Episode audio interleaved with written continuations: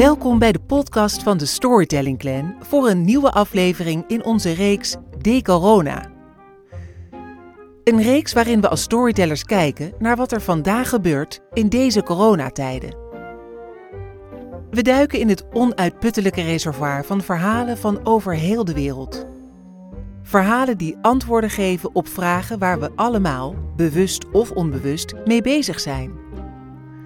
Botsen we vandaag op onze grenzen? Maakt een crisis ons inventiever? Wat doet angst met de mens? Hoe is het om je verloren te voelen? Hoe creëren we nieuwe perspectieven? Verhalen bieden antwoorden op vragen. Verhalen geven betekenis. En daarom vertelt in elke aflevering iemand van onze Storytelling Clan een verhaal. Een verhaal dat voor hem of haar met deze coronacrisis verbonden is. We wensen je veel luisterplezier. Ik ben Petra Muns. Ik werk als coach en trainer in mijn eigen bedrijf Tulp Talent. Ik gebruik storytelling omdat het creativiteit en veranderkracht laat stromen. Het verhaal van Vasalisa de Wijze staat in het boek De Ontembare Vrouw van Clarissa Pincola Estes. Het verhaal gaat over het doorgeven van intuïtie van moeder op dochter. In dit verhaal heeft intuïtie de gedaante van een popje, wat de stervende moeder geeft aan haar dochter. De coronacrisis kan een uitnodiging zijn om dat popje vaker tevoorschijn te halen. En hoe ik het ervaar, tijdens de coronacrisis loop ik veel in het bos. Het is veel normaler om jezelf uit te laten zonder hond in deze tijden. En tijdens deze momenten keert de rust terug in mijn hoofd. Wat ertoe doet, komt bovendrijven. Intuïtie is ook wel een ander woord voor bewustzijn zonder alle invloed van de buitenwereld. En alles scherper en helderder zien.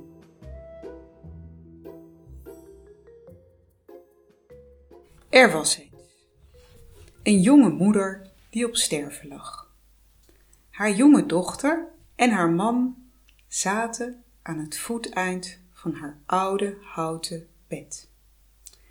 De stervende moeder riep Vasalisa en het kleine kind met haar rode laarsjes en haar witte schort knielde naast haar moeder neer.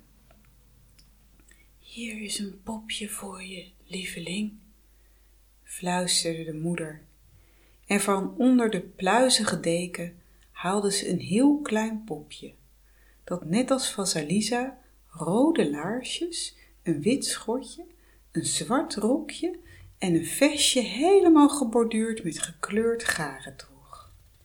Hier zijn mijn laatste woorden, liefste, zei de moeder.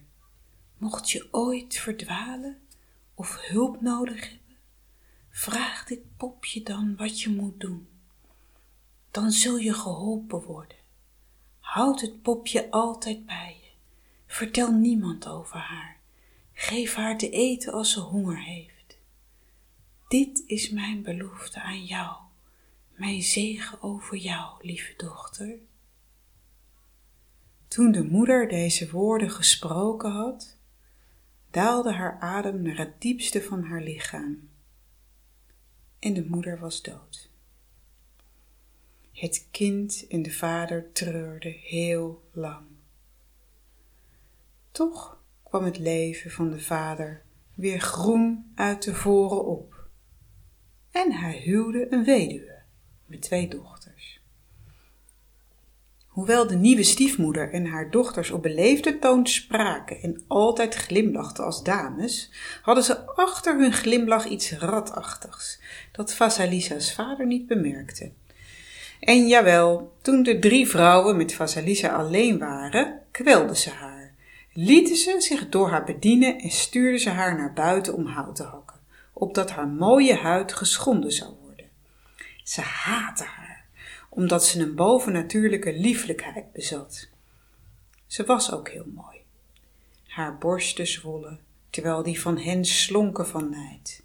Ze was hulpvaardig en klaagde niet, terwijl de stiefmoeder en stiefzusters onder elkaar ruzieden als ratten s'nachts op de vuilnishoop.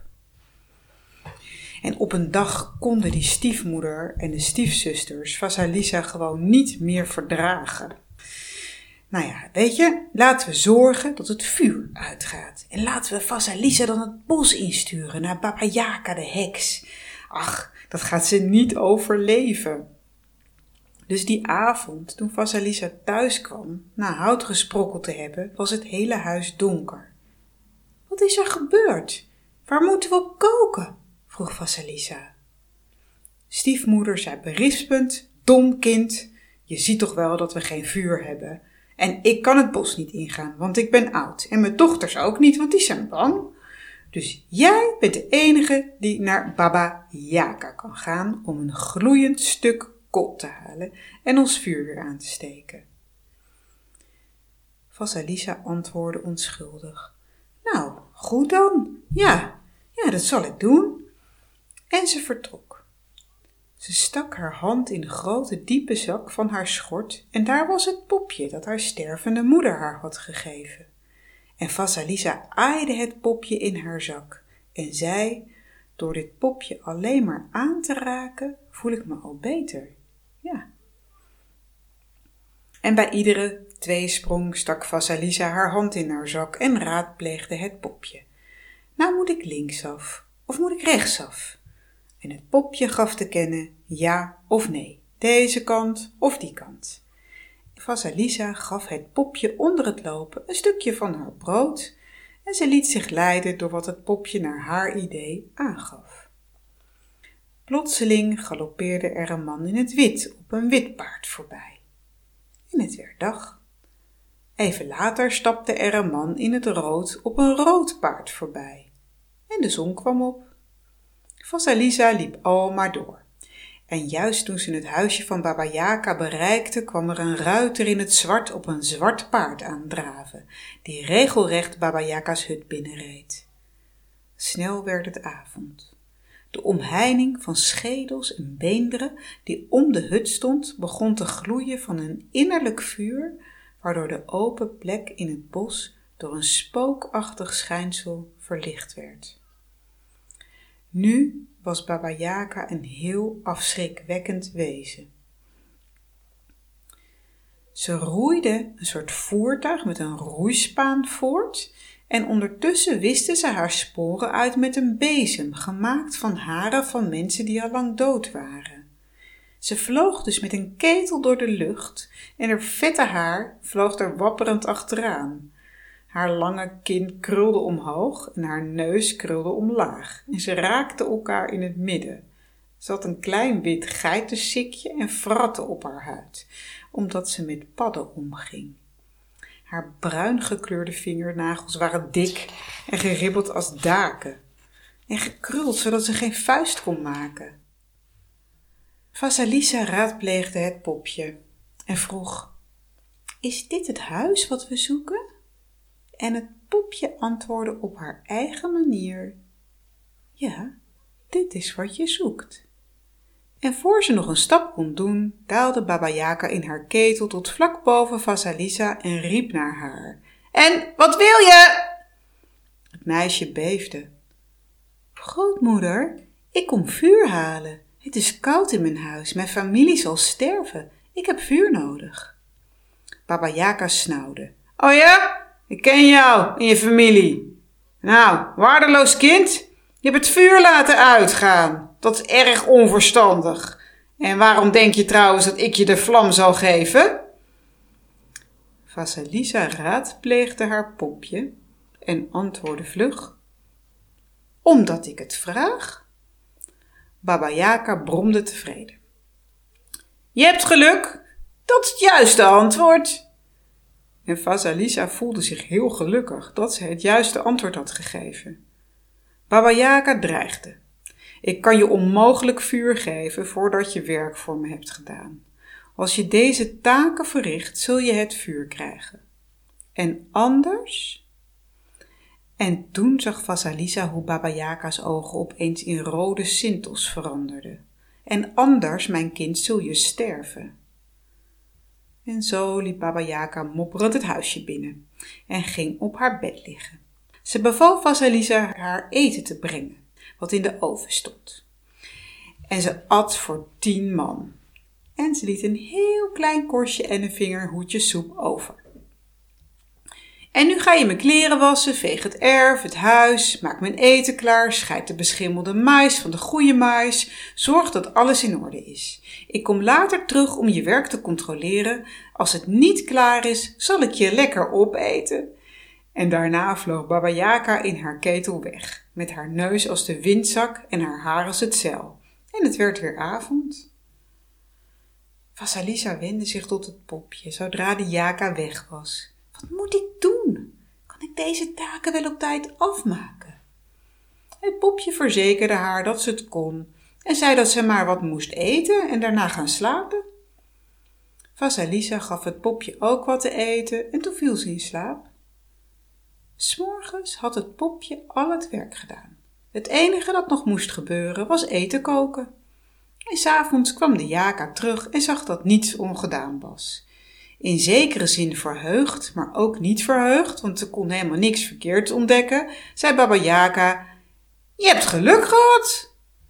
Toen riep ze haar trouwe bediende om de mais te malen en verschenen er drie paar handen in de lucht die de mais begonnen te raspen en te vermalen. Het kaf vloog door het huis als gouden sneeuw. Eindelijk was het klaar. En Baba Yaga ging zitten om te eten. Ze at urenlang en beval Vasalisa de volgende dag het huis weer schoon te maken. De Jaka wees naar een grote berg aarde op het erf. In die hoop aarde zitten maanzaadjes, miljoenen maanzaadjes. En ik wil ochtends één stapel maanzaadjes en één stapel aarde. Allemaal van elkaar gescheiden. Heb je dat begrepen? Vasalisa bezwijmde bijna. Oh, lieve help, hoe moet ik dat nu doen? Ze stak haar hand in haar zak en het popje fluisterde: Maak je niet ongerust, ik zal er wel voor zorgen. Die nacht viel Baba Yaga snurkend in slaap en Vasalisa probeerde de maanzaadjes uit de aarde te peuteren. Na een poosje zei het popje tegen haar: Ga nu slapen, alles zal goed komen. Opnieuw voltooide het popje de taak. En toen de oude vrouw thuis kwam, was alles klaar.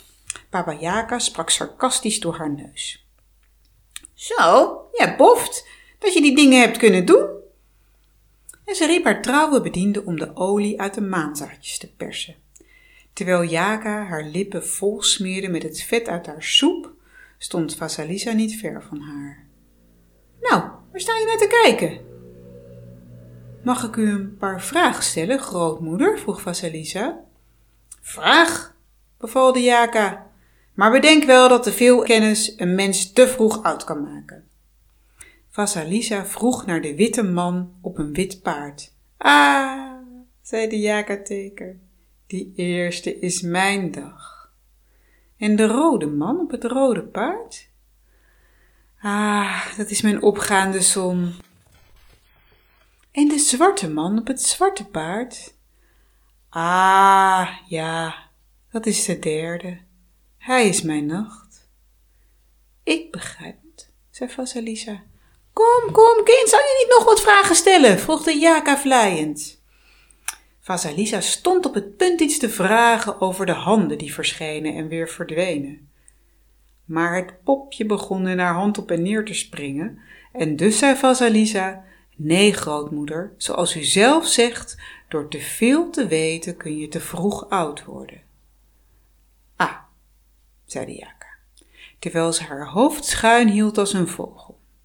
Je bent wijzer dan je jaren, meisje. En hoe ben je zo geworden?